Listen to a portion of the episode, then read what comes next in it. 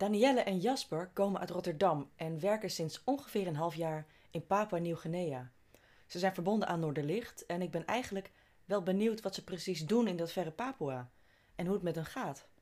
Dat is nog best een uitdaging, want in Kapuna is niet altijd stabiel internet. Maar we duimen voor een goede verbinding en ik weet namelijk zeker dat heel veel mensen willen weten wat er tot nog toe met hen gebeurd is. Hi, welkom bij de Noorderlicht Rotterdam podcast. Een serie gesprekken met mensen van Noorderlicht over wat het geloof voor hen in het dagelijks leven betekent. Hier is je host Joanneke. Uh, hallo Danielle en Jasper, welkom in de podcast. Hallo. Hey, welkom. Hoi, hoe draait jullie internet momenteel? Uh, gaat het op een generator? Of, uh... Het, nou, het internet is wat krakkemikkig, maar het draait niet net op een generator. Al onze elektriciteit draait op een generator, maar die valt dus zo nu en dan uit. Dus uh, kijk, tien minuten geleden viel die uit. Oh, maar hij draait weer, dus uh, nou, we duimen en bidden dat, het, uh, dat hij het even blijft doen. Ja. Nou, hartelijk dank. Ja, een tijdje geleden zijn jullie op missie vertrokken naar Papua Nieuw-Guinea. Vers uit Rotterdam. En jullie hebben een jong dochtertje. Die horen we ook af en toe.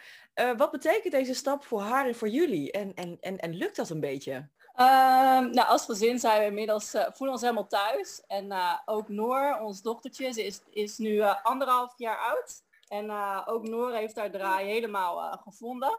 Ja, achteraf kunnen we zeggen dat het wel veel nieuwe indrukken was. Of ja, ook het klimaat is heel heet en heel, echt heel warm. Ja, dat is voor een klein meisje, dat was dat even wennen.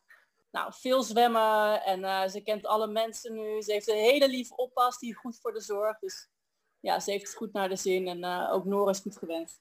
Ja, opeens uh, heb je iets, helemaal iets nieuws. Waar we wonen, daar kan je alleen maar komen met een boot te water. Dus heel soms gaan we wel eens naar een ander dorpje wat, wat meer bij het centrum ligt en daar rijden auto's. Of daar rijdt wel eens een auto, de, bijvoorbeeld de ambulance. Ja. En uh, grote ogen toen we een lift kregen van die ambulance. dachten ze, wat is dit? Dachten ja, dat, je, dat kan je niet meer herinneren van Nederland. Heel vervreemdend ook wel, hè? en, nu je daar zit uh, als jong gezin, wat, wat, wat koester je nu het meest? Waar we uh, heel van genieten is alle gezinstijd samen. Ja, we hebben eigenlijk een heel klein, heel eenvoudig leven en een heel klein sociaal leven ook. Want in ons dorp wonen denk ik nou 50 tot 100 mensen die daar echt wonen. En dan komen natuurlijk heel veel patiënten, maar die gaan ook alweer weg. Dus nou, daar bouw je natuurlijk niet echt vriendschap mee, want dat is allemaal werkgerelateerd. Maar met de rest, ja, daar heb je je sociale contacten mee, die zien we veel, daar eten we mee. Maar dat is zo klein en zo eenvoudig, ja, dat we heel veel tijd ook samen hebben. En ook de avonden, ja, brengen we eigenlijk heel veel uh, samen door. We eten dan bij mensen, of eten, mensen eten bij ons, maar die gaan dan naar huis. Ja, en dan heb je toch altijd weer een avond... Uh, samen. En die, die tijd, die, daar genieten we heel erg van. We lunchen altijd samen. Dat was natuurlijk heel anders in Nederland. Ja, we maken heel veel mee uh, van Noor van elkaar. En dat is, uh, ja, dat is ontzettend waardevol. En dat uh, koesteren we heel erg deze tijd. En dat zeggen we ook veel tegen elkaar. Van nou, daar genieten we in ieder. Daar moeten we ook niet echt zoveel van genieten. Want nou, stel, we gaan weer terug naar Nederland en we gaan weer aan het werk in Nederland. Dan ja, kost dat waarschijnlijk wel familietijd. Dat is natuurlijk een keus. Maar ja, als je dan ergens gaat werken, weer reistijd hebt en dergelijke, nou, dat hebben we helemaal niet. We hebben geen reistijd, uh, niet ellenlange vergaderingen of dit of dat. Ja, het is allemaal vrij simpel. Het is gewoon werk in het ziekenhuis en thuis en ja, wat vrienden hier om ons heen. En de kerk. Ja, dat, dat is het eigenlijk. En uh, daar genieten we heel van. Ja, wat mooi. Je had het net over patiënten. Je bent arts? Ja, dat klopt. Ja, ik ben uh, arts. ik ben arts en ik heb een opleiding gedaan om het te specialiseren in uh, de tropengeneeskunde. Dus nou, dat komt hier uh, goed uit. En Danielle is fysiotherapeut. Okay. En uh, we werken inderdaad allebei in het, in het ziekenhuis. Ik ben een van de twee artsen, dus we draaien het ziekenhuis met z'n tweeën. En verderop zit een ziekenhuis die ook onder on onze organisatie valt. Daar zitten ook twee artsen. Dus eigenlijk met z'n vieren zorgen we voor twee ziekenhuizen. En, en zo nu en dan helpen we elkaar ook in, in, in dat andere ziekenhuis. Het is wel heel bijzonder, hè? Met vier mensen twee ziekenhuizen runnen. Ja, ja, ja. En, en, het is een vrij groot gebied. Het is een vrij groot gebied met ja. nou, een heleboel mensen die er wonen. maar daarbij moet je natuurlijk wel bedenken dat echt niet iedereen naar het ziekenhuis komt. Alleen als mensen echt ziek zijn, komen ze vaak naar het ziekenhuis. Mm En met ehm, ja, wat kleine ditjes en datjes komt men al vaak in het ziekenhuis, omdat het ook heel ver reizen is vaak naar het ziekenhuis. Er zijn geen wegen, iedereen moet met de kano komen. Je kan eigenlijk ook niet door de jungle lopen, omdat het allemaal moeras is. Dus je moet echt over het water komen. En dan, nou, dan hebben ze een, een, een, een boom die hakken ze uit en dan maken ze een kano van. En dat is eigenlijk het transportmiddel. Dus soms zijn mensen twee dagen aan het peddelen om naar het ziekenhuis te komen. Nou, met een simpele hoofdpijn ga je dan niet naar, uh, naar het ziekenhuis. Nee, maar ik kan me ook voorstellen dat als er spoedeisende hulp nodig is, dat dat dan ja, eerder misgaat, zeg maar, omdat je toch niet op tijd uh, erbij kunt ja. zijn. Gebeurt dat wel eens? Dat gebeurt uh, ja, toch regelmatig. En natuurlijk, een boel daarvan uh, zie je helemaal niet verschijnen in het ziekenhuis. Ja. Omdat mensen eerder overlijden bijvoorbeeld voordat ze in het ziekenhuis zijn. En het gebeurt regelmatig dat mensen al overleden zijn als ze aankomen in het ziekenhuis. Mm -hmm. ja, dus dat gebeurt uh, regelmatig. En natuurlijk ook, dat gebeurt veel wat je dan niet door hebt, omdat het dus helemaal niet in het ziekenhuis aankomt. Mm. wat doet dat met je? Ja, dus dat, dat gebeurt inderdaad. Dat is, ja, het is wel een, een, een iets andere mindset dan in een Nederlands ziekenhuis. In een Nederlands ziekenhuis um, ja, trek je alles uit de kast. Uh, en is er altijd zorg en is er ook altijd iemand die bijvoorbeeld het beter weet dan jij. Is er altijd een superspecialist in het ziekenhuis die nog beter weet. Als het mij boven de pet stijgt, dan kan er, is er altijd iemand anders die het beter weet. En hier uh, ja, zijn wij eigenlijk de top van de zorg. En als wij het niet kunnen doen, ja, dan kan het eigenlijk niet. Mm. De, ja, dan is er eigenlijk gewoon geen zorg. Dus dan is de zorg gewoon niet toereikend. Ja, en dan, en dan stopt het eigenlijk. En, dat is zware verantwoordelijkheid ja, is, om te dragen. Uh, ja, nou gelukkig uh, doe ik dat nu natuurlijk niet alleen. We zijn met een heel team. Uh, maar ja, het komt wel inderdaad voor dat bijvoorbeeld ook als de andere arts weg is of die is op een patrol naar een, naar een dorp om te vaccineren of, of iets dergelijks. Ja, dan ben ik alleen en dan ja, komt het dus wel voor dat er hele zieke mensen zijn of dat ik toch een grote operatie moet doen in mijn eentje. Uh, ja, en dan ben ik wel degene met, de meest, met het meeste onderwijs. En het voelt niet dat ik dat dan alleen doe. Maar uiteindelijk ja, ben je dan wel de, de hoogst opgeleide persoon. Dus dan, ja, dan moet je dat wel...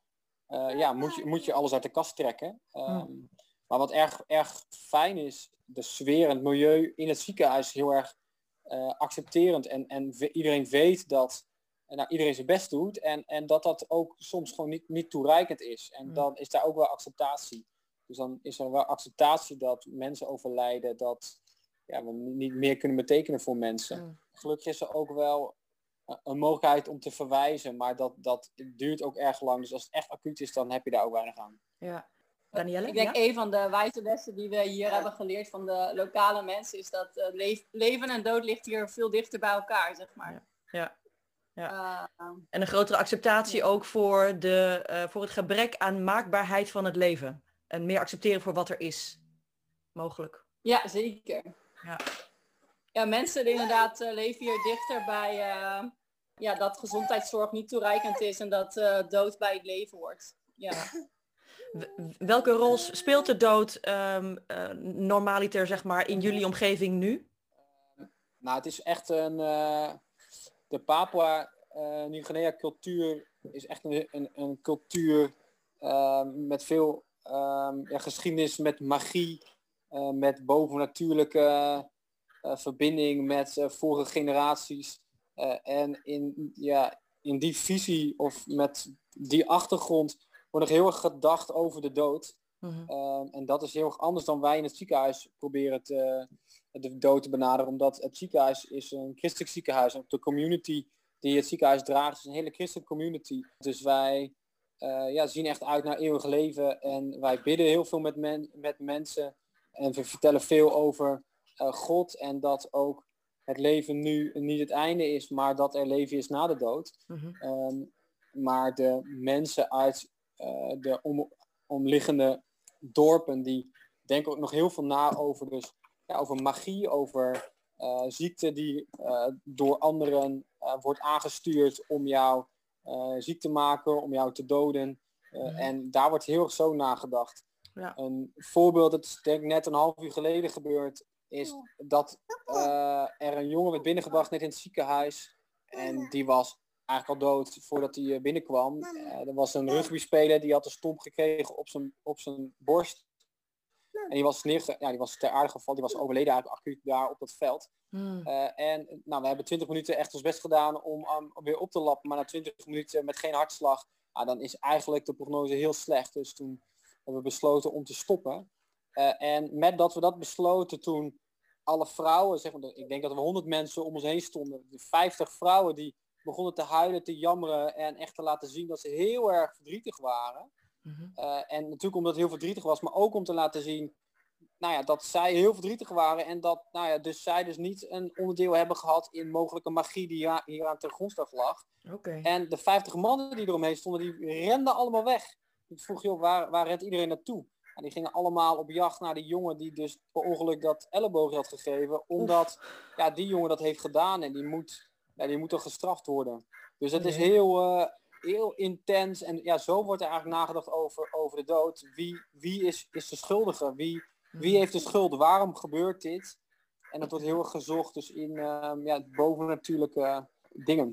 Ja, bovennatuurlijke dingen, maar ook mensen. Hè? Dus vergelding uh, hoor ik daar een beetje doorheen. Ja, dat is, best, uh, dat is best pittig en dat is echt, echt een groot probleem wat we zien. En dat is ook waar Danielle ook wel veel mee bezig is met een groep mensen hier in onze community. Omdat er natuurlijk heel veel onrecht wordt gedaan als mensen worden vergolden. Ja, je kan het gewoon zelf doen. Als je denkt, nou, mijn buurman heeft mij kwaad gedaan. Die kan ik gewoon uh, aanvallen. Uh, en er is geen politiemacht die daar een stokje voor steekt. Dus iedereen kan zijn eigen rechter spelen. Uh, en dat wordt dus ook veel gedaan. Er worden huizen in de fik gestoken omdat ze iets hebben gejat of ik weet het niet. Maar ja, dat is, dat is helemaal ja, dat is super onrechtvaardig. En, en er, is, ja, er is geen rechtelijke macht of geen... Ja, ja. Dat, ja dat, dat, dat is een probleem. Word Ja, als- door de radio. Oh, Jasper wordt even weggeroepen naar het ziekenhuis. Wacht even. Prima, dat nemen wij het gewoon over, Danielle. Dat Ja. is gewoon de dagelijkse realiteit, dus eh, daar springen we gewoon op in. Ja, eh, ik kan me voorstellen dat het ehm, eh, pittig is als wersteling om, om ineens over te schakelen op die andere cultuur, maar dat je tegelijkertijd ook een gevoel hebt van, eh, men zoekt wel hulp bij je, medisch. Eh, en, en dat dat ook wat, toch ook wel weer een brug kan slaan tussen de culturen, maar ook gewoon in jullie community zelf. Hoe ervaar je dat? Ja, wat dat betreft is eh, werken in een ziekenhuis is een mooi, mooi vak. Want ja, mensen zijn heel blij met alles wat je doet, zeg maar. En dat brengt ook wel weer eh, verbinding met, eh, met de patiënten. Met, ja, mensen liggen lang in het ziekenhuis, dus het geeft een, eh, een band met patiënten. Mensen gaan niet tussendoor naar huis. Dat kan niet, omdat de reisafstand heel groot is. Ja, en, en zeg maar omdat ze langere tijd in het ziekenhuis liggen en ze heel blij zijn met de zorg die je levert, ja, maakt dat ook dat je een persoonlijke band krijgt met, met de mensen en, en de mensen met de community. Het is heel grappig. Ja, iedere, eh, de patiënten na, na een paar weken wor- worden ze gewoon herkend door de, door de hele community. En ook, ja, je viert zondag eh, met elkaar, eh, zit je met elkaar in de kerkdienst. Met de patiënt ook ertussen. En ja, dat is ook een mooie brug om, om te vertellen over Jezus. Dus ja, we zien ook echt heel vaak dat de patiënten gedoopt worden. En Bijzonder. ja, Ja. dat is, dat is iets moois, ja. En dat is, dat is iets anders dan wat we ja, met ons werk in Nederland zagen. Dan is werk en privé is veel meer gescheiden, zeg maar.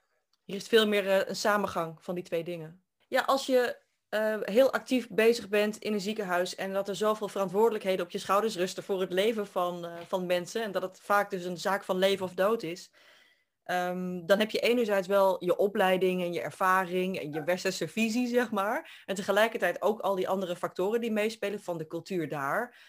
Dan kan ik me voorstellen dat je aan, aan ervaring en opleiding niet alleen genoeg hebt. En dat, en dat je geloof hierbij wel eh, tot steun kan zijn of is. Welke rol speelt het geloof nu eh, bij jou in deze, ehm, ja, in, in, jouw situatie nu in het werk in Papua en in je leven daar? Ik denk dat ook belangrijk is om te zeggen, het is niet altijd zeg maar eh, spannend. Het is ook, soms zie je ook gewoon de huistuin- en keukengeneeskunde tussendoor komen. Ja, wat, mooi, wat super mooi is in het ziekenhuis en, wat ons ook echt heel erg helpt, is eh, eh, het, het project heeft een christelijke identiteit. En omdat gezondheidszorg hier sneller tekortschiet in, eh, in het leveren van medische zorg, er wordt superveel gebeden voor patiënten. En voor, voordat een patiënt een operatie ingaat, als hij terugkomt, er staat een heel biddend team omheen, zeg maar. Aan het begin uh, denk je, wat uh, bizar dat er overal voor wordt gebeden, want uit die cultuur komen we helemaal niet. Maar we kunnen daar nu echt ontzettend van genieten. En uh, het onderstreept, zeg maar, ook in Nederland ben je afhankelijk van God. Maar doordat ja. je het hier naast je ziet, wordt het nog meer tastbaar dat we echt afhankelijk zijn van God. En ja, ook bij goede gezondheidszorg ben je ook afhankelijk van God. Want uiteindelijk is God, God degene die het doet. Maar omdat uh, het meer fysiek aanwezig is, worden we ons daar meer bewust van. Ja. Ja, um, de dominee, Niels ja. de Jong, die vertelde mij dat ja. jullie hele waardevolle lessen hebben opgestoken uh, en nog steeds van een dominee bij jullie in Papua. Nou, die ben ik eigenlijk heel benieuwd wat dat voor lessen zijn en, en wat jullie hebben geleerd tot nog toe. En, en op welke manier deze lessen jullie tot steun zijn. Zou je daar misschien iets over willen vertellen? Ja, het is, nou ja, we hebben een hele fijne uh, pastor, uh, maar ook, uh, het is niet alleen de pastor hoor, het is ook gewoon de community waar we heel veel van leren van, van de mensen die dus om ons heen wonen. Ja, ik denk de belangrijkste les die we leren hier, of die we afgelopen periode hebben geleerd, is meer bezig zijn met ja, eerst God en dan, dan de rest, zeg maar. -hmm. God, God op, meer op nummer 1 zetten. Dus in je werk, zeg maar. God moet alle eer krijgen voordat je een operatie doet. Het gaat om God. God moet het doen.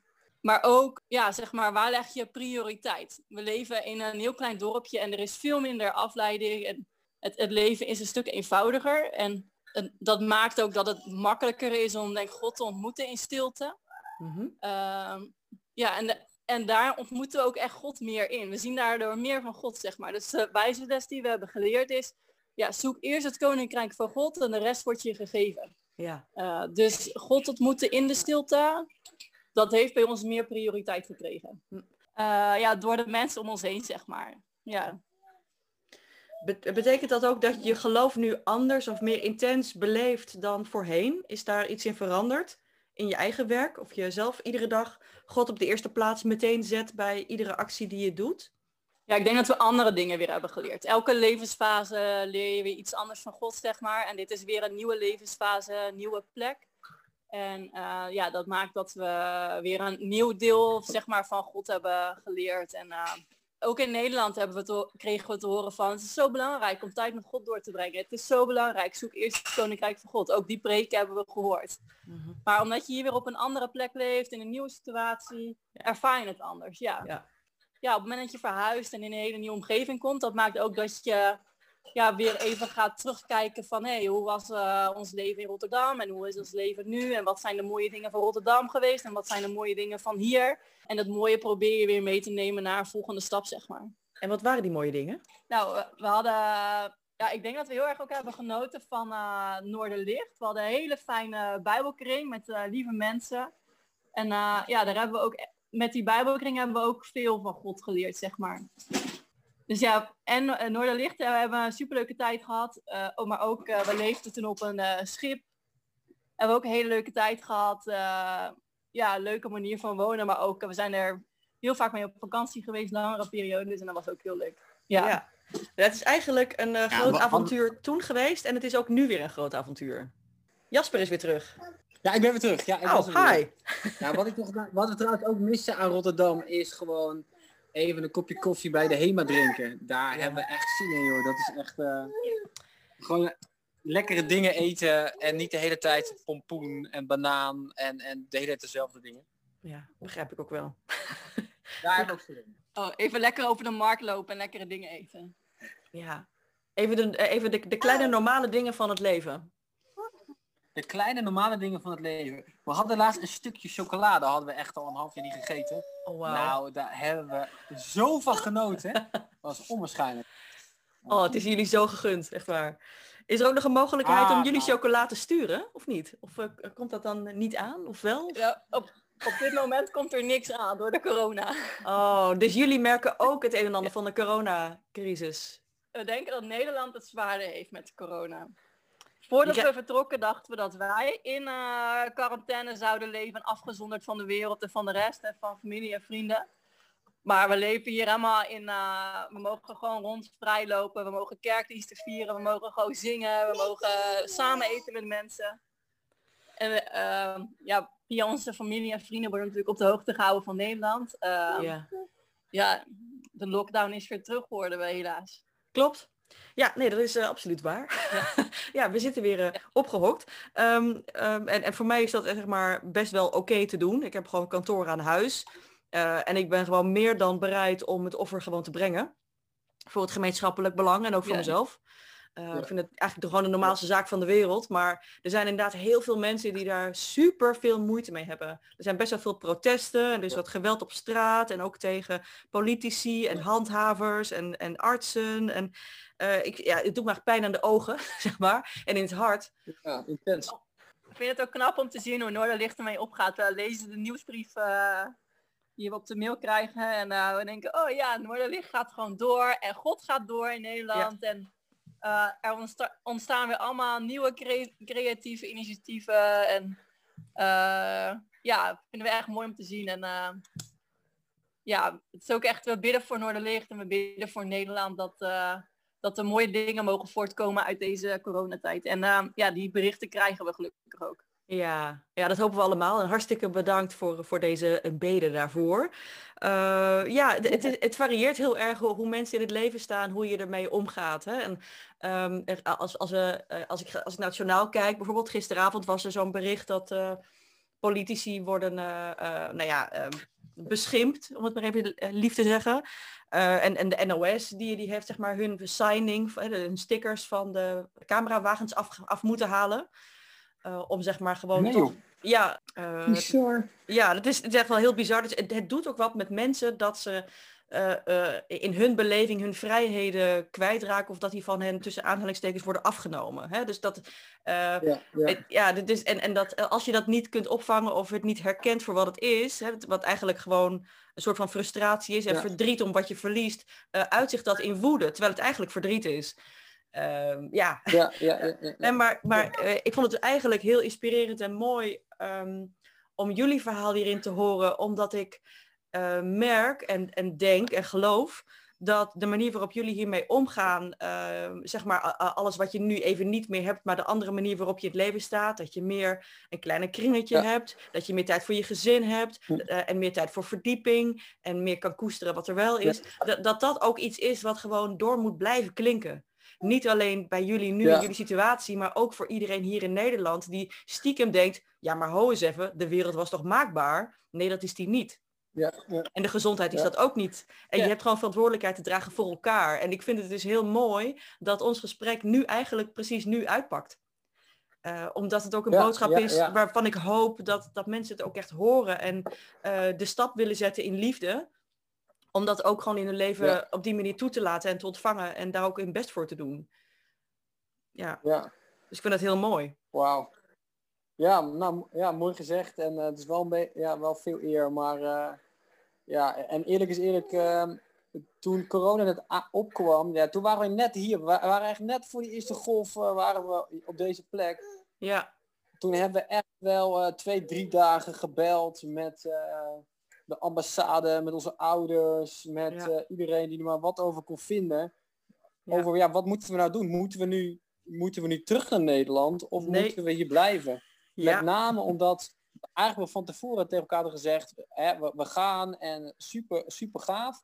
Maar de, de voorwaarde is dat er altijd een weg terug is. Dat, er- dat we altijd een helikopter kunnen bellen die hier ons uitvliegt als Noor ineens ziek wordt. Hè, dat we ineens zeg maar, ja, we hebben altijd een stok achter de deur.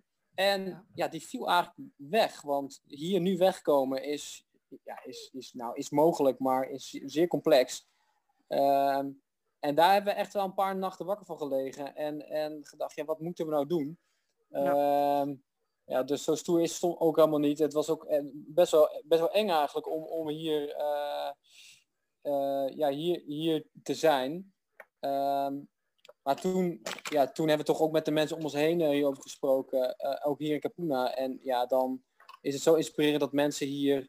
ehm, Mensen gingen allemaal bidden en eh, Ja. ja. dat was echt, eh, was echt mooi. En God gaf toen ook echt een hele duidelijke tekst van, eh, van nee, blijf, eh, doe wat je aan het doen was en eh, blijf daar, zeg maar. Ja, dat was Ja. echt heel mooi.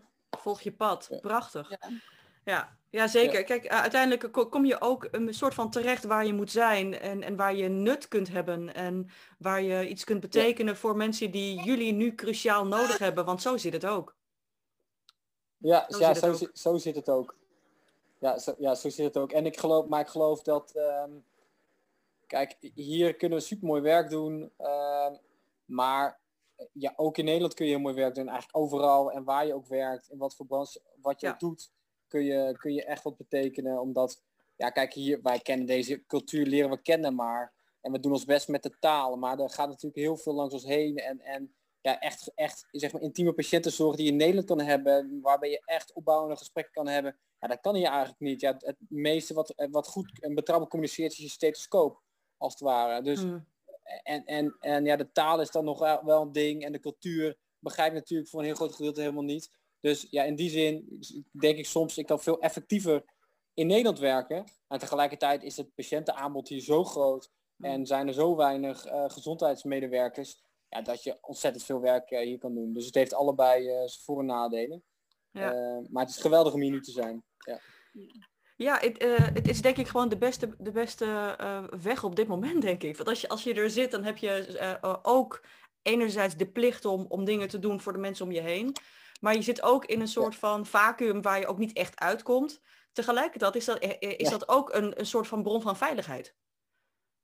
Weet je, uh, ja, ja, de, heel Nederland is nu onzeker over van alles. Weet je wel, en, en, en, en er zijn issues als thuiswerken, ja, nee, weet je wel.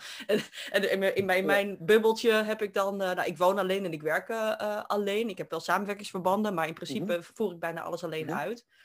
En ik woon tegenover -hmm. de school vlak bij de Prinsenkerk. En die heeft natuurlijk zo ongeveer de hele oh, ja, dag speelkwartier, omdat het uh, coronacrisis is. Neem dan maar eens podcasts op. Weet je wel? Dus het, het is meer van die, hele, van die kleine uitdagingen. Het zijn kleine uitdagingen, maar uh, ze staan niet in verhouding tot het gemeenschappelijk belang. En zo draag je makkelijker dingen nee, die even nee, nee. tegenzitten. En gisteravond bijvoorbeeld hadden we een, uh, een technische testavond voor de kerk livestream. Omdat nu nou ja, 99% van de hele Noordlichtgemeente vanuit huis de kerkdiensten meemaakt. Ja, omdat we nu in lockdown ja, zijn. Uh, ja. En, ja, um, en het is belangrijk om die techniek goed te krijgen. Dus dan zitten we gewoon tot, tot weet ik wel, 10 of 11 uur uh, te knutselen. en dan en, en een klein team in de kerk en ik vanuit huis. Ja, dus de coronatijd die is uh, overal in alle haarvaten van de wereld voel, voelbaar. Uh, is er ook een infectiegraad bij jullie of uh, speelt dat niet echt? Oh, ja, we weten niet of er... we kunnen hier heel slecht testen. Er zijn een paar testen, coronatesten. Mm -hmm. um, dus of er bijvoorbeeld corona in ons dorpje is geweest, niemand die het weet. Want wij, ja, we hebben tot nu toe... we hebben wel testen afgenomen, maar die testuitslagen liggen nog in de hoofdstad. En dan wachten okay. we nog steeds op. Maar geen hysterische ja, dus symptomen? overlijden niet meer mensen, zeg maar. Oké. Okay. De diagnostiek is gewoon heel beperkt. Dus um, ja, soms denk ik wel, nou, dat zijn wel typische uh, coronaklachten. Maar goed, dan gaat het daarna ook wel wat beter. En dan neem ik wel een test af. Maar ja, dan wachten we dus uh, uh, tot in een treuren op. Ja. Zonder echt naar, naar, een resultaat van te hebben. Dus eigenlijk weet, eigenlijk weet het gewoon, weten het gewoon niet. Hmm. Um, ja, ja, dus nou, we blijven bidden en we blijven goed opletten. En meer kunnen we eigenlijk niet doen. Ja, begrijp ik. Zijn er ook nog plannen voor de komende tijd? Of op bepaalde projecten waar jullie aan werken? Of is het meer het, uh, het dagelijkse hulpverlening? Ja, in de ochtend werk ik dus in het ziekenhuis, maar in de middag werk ik uh, bij een ander project, wat zich inzet voor mensenrechten. En wat de politie dus wat dichter bij Capuna probeert te krijgen, zodat in, de, ja, in de hoop dat er minder geweldincidenten komen. Of in ieder geval dat mensen die verkeerde dingen doen, dat er ook zeg maar actie op komt, zodat het ja, een signaal komt van het is niet goed om slechte dingen te doen. En er staan sancties op en waardoor het geweld hopelijk wat minder wordt. En dat project ja, hebben we nu een heel nieuw plan voor geschreven. En om dorpen zeg maar, over mensenrechten thema's te vertellen. En dat project is nu helemaal herschreven en dat gaan we binnenkort uitvoeren. Of, dat wordt nu... Sorry, mijn dochter gooit even al haar potnoden op de grond. oh, ja, allemaal eruit. dus, dat, dus zeg maar, we hebben het project hebben we geëvalueerd en ja, we hebben een stapje verdiept, zeg maar. En dat, dat wordt nu uitgerold uh, in, de, in de dorpen om ons heen. Uh, en dat programma wordt nu gedraaid. En uh, ja, we hopen daarmee weer een stapje verder, de dorpen verder te helpen als het gaat om mensenrechten, als het gaat om ja, gelijkheid tussen mensen en uh, als het gaat om ja, de geweldincidenten naar beneden brengen, zeg maar. Kunnen we daar ook meer over zien op jullie blog toevallig, op jullie website? We proberen inderdaad uh, blogs te schrijven. We houden ze heel kort en krachtig. Dus stapje voor stapje vertellen we verhalen. De laatste blog hebben we er iets over verteld, maar de volgende blog uh, gaat meer over het project zelf. Van wat is dat project en uh, wat gaan we er... ja, wat, wat, wat doet het project, zeg maar, en wat gaan we komende periode met het project doen. Oh, dat is fijn. Daar, daar, daar kijken we echt uh, naar uit. Jullie Instagram is ook uh, leuk om te zien, omdat je zeg maar echt een kijkje in de keuken krijgt uh, van Capuna. en dat, en dat, is, ja. dat, dat, is wel bijzonder, om, om jullie leven als jong gezin daar, daar zo te zien in jullie huis en, en, en de mensen die jullie daar ontmoeten. Zeker de moeite waard om even te kijken. Ik zal in de show notes ook een linkje plaatsen naar jullie Instagram-account. Ja, leuk. leuk. Ja. Ja, en um, de afstand is er natuurlijk hè, tussen, tussen Noorderlicht en, en, en jullie op dit moment in fysieke zin. Uh, en dat geldt ook voor Noorderlicht en alle gemeenteleden trouwens. Maar uh, de uh, geestelijke verbinding is net zo sterk als de mensen om Noorderlicht heen en met jullie, tussen jullie en Noorderlicht. Kun of wil je nog iets vertellen ja, over die band met Noorderlicht? ja, ik vind het heel leuk om echt op de hoogte te blijven van Noorderlicht. En we voelen, ondanks dat we aan de andere kant van de wereld zitten nog steeds uh, verbondenheid. En uh, daar zijn we Noordlicht ook echt super ja, dankbaar voor. En uh, voor, ja, voelen ons enorm gezegend met, met de Noorderlichtgemeente die achter ons staat. zowel op gebed als met financiën, als met mensen die ja, ons actief helpen, zeg maar ook hier. Ja, zijn we enorm blij mee met alle hulp die we krijgen en al, ja, alle verbondenheid die we voelen. ja. Nou, het is fijn, het is denk ik ook heel wederzijds. Er zijn veel mensen die, uh, die, uh, die, die ook regelmatig even over jullie hebben. Of even refereren aan jullie uh, leven daar. En aan jullie verbondenheid met Noorderlicht. Dus dank daarvoor. Leuk. Heel erg bedankt voor, voor dit hele fijne gesprek. En ik ben ook nog even benieuwd of jullie zeg maar, nog iets willen meegeven aan de wereld of Noorderlicht ehm, in het algemeen. Ja, nou, bedankt voor het gesprek. En we zijn heel erg onder de indruk van hoe Noorderlicht nu in deze coronatijd zich ehm, ja, gewoon steeds laat zien als een hele uh, enthousiaste gemeente. En uh, nou, we hopen dat uh, jullie ondanks de, ook weer de nieuwe coronamaatregelen uh, nog steeds de, de toffe kerken kunnen zijn die jullie zijn. En misschien biedt het juist ook wel weer mogelijkheden met nou, dat je, je wordt wel echt geforceerd om op een andere manier kerk te zijn zo. En nou, dat doen jullie echt heel erg, heel erg goed. Het is echt leuk, om, leuk om te zien. En heel uitdagend wel. Uh, nou, we kunnen eigenlijk niet wachten totdat we weer een keer in de Noorderlicht zijn. Maar goed, dan moet corona over zijn en dan moeten wij terug zijn in Nederland. Ja. Maar uh, die tijd gaat komen. Ja, we kijken er naar uit en tegelijkertijd wensen we jullie echt alle goeds in Papua. En het zou super leuk zijn als we over een aantal maanden nog eens in de podcast kunnen praten over wat de, wat de voortgang is uh, met jullie projecten en jullie leven daar. Hartstikke leuk. Nou, we zien er naar uit en we houden contact. Is goed. Tot de volgende keer. Oké, okay, bye bye. Dag. Bedankt dat je luisterde naar de Noorderlicht Rotterdam podcast. We hopen dat je er iets aan had deze keer. Je kunt alle afleveringen beluisteren via Spotify, YouTube, Apple Podcasts, Google Podcasts en natuurlijk via www.noorderlichtrotterdam.nl. Heb je een verzoek voor een onderwerp of heb je een suggestie voor een gast in de podcast? Stuur dan een mailtje naar podcast@ noorderlichtrotterdam.nl of vertel het ons via Twitter. Tot de volgende keer!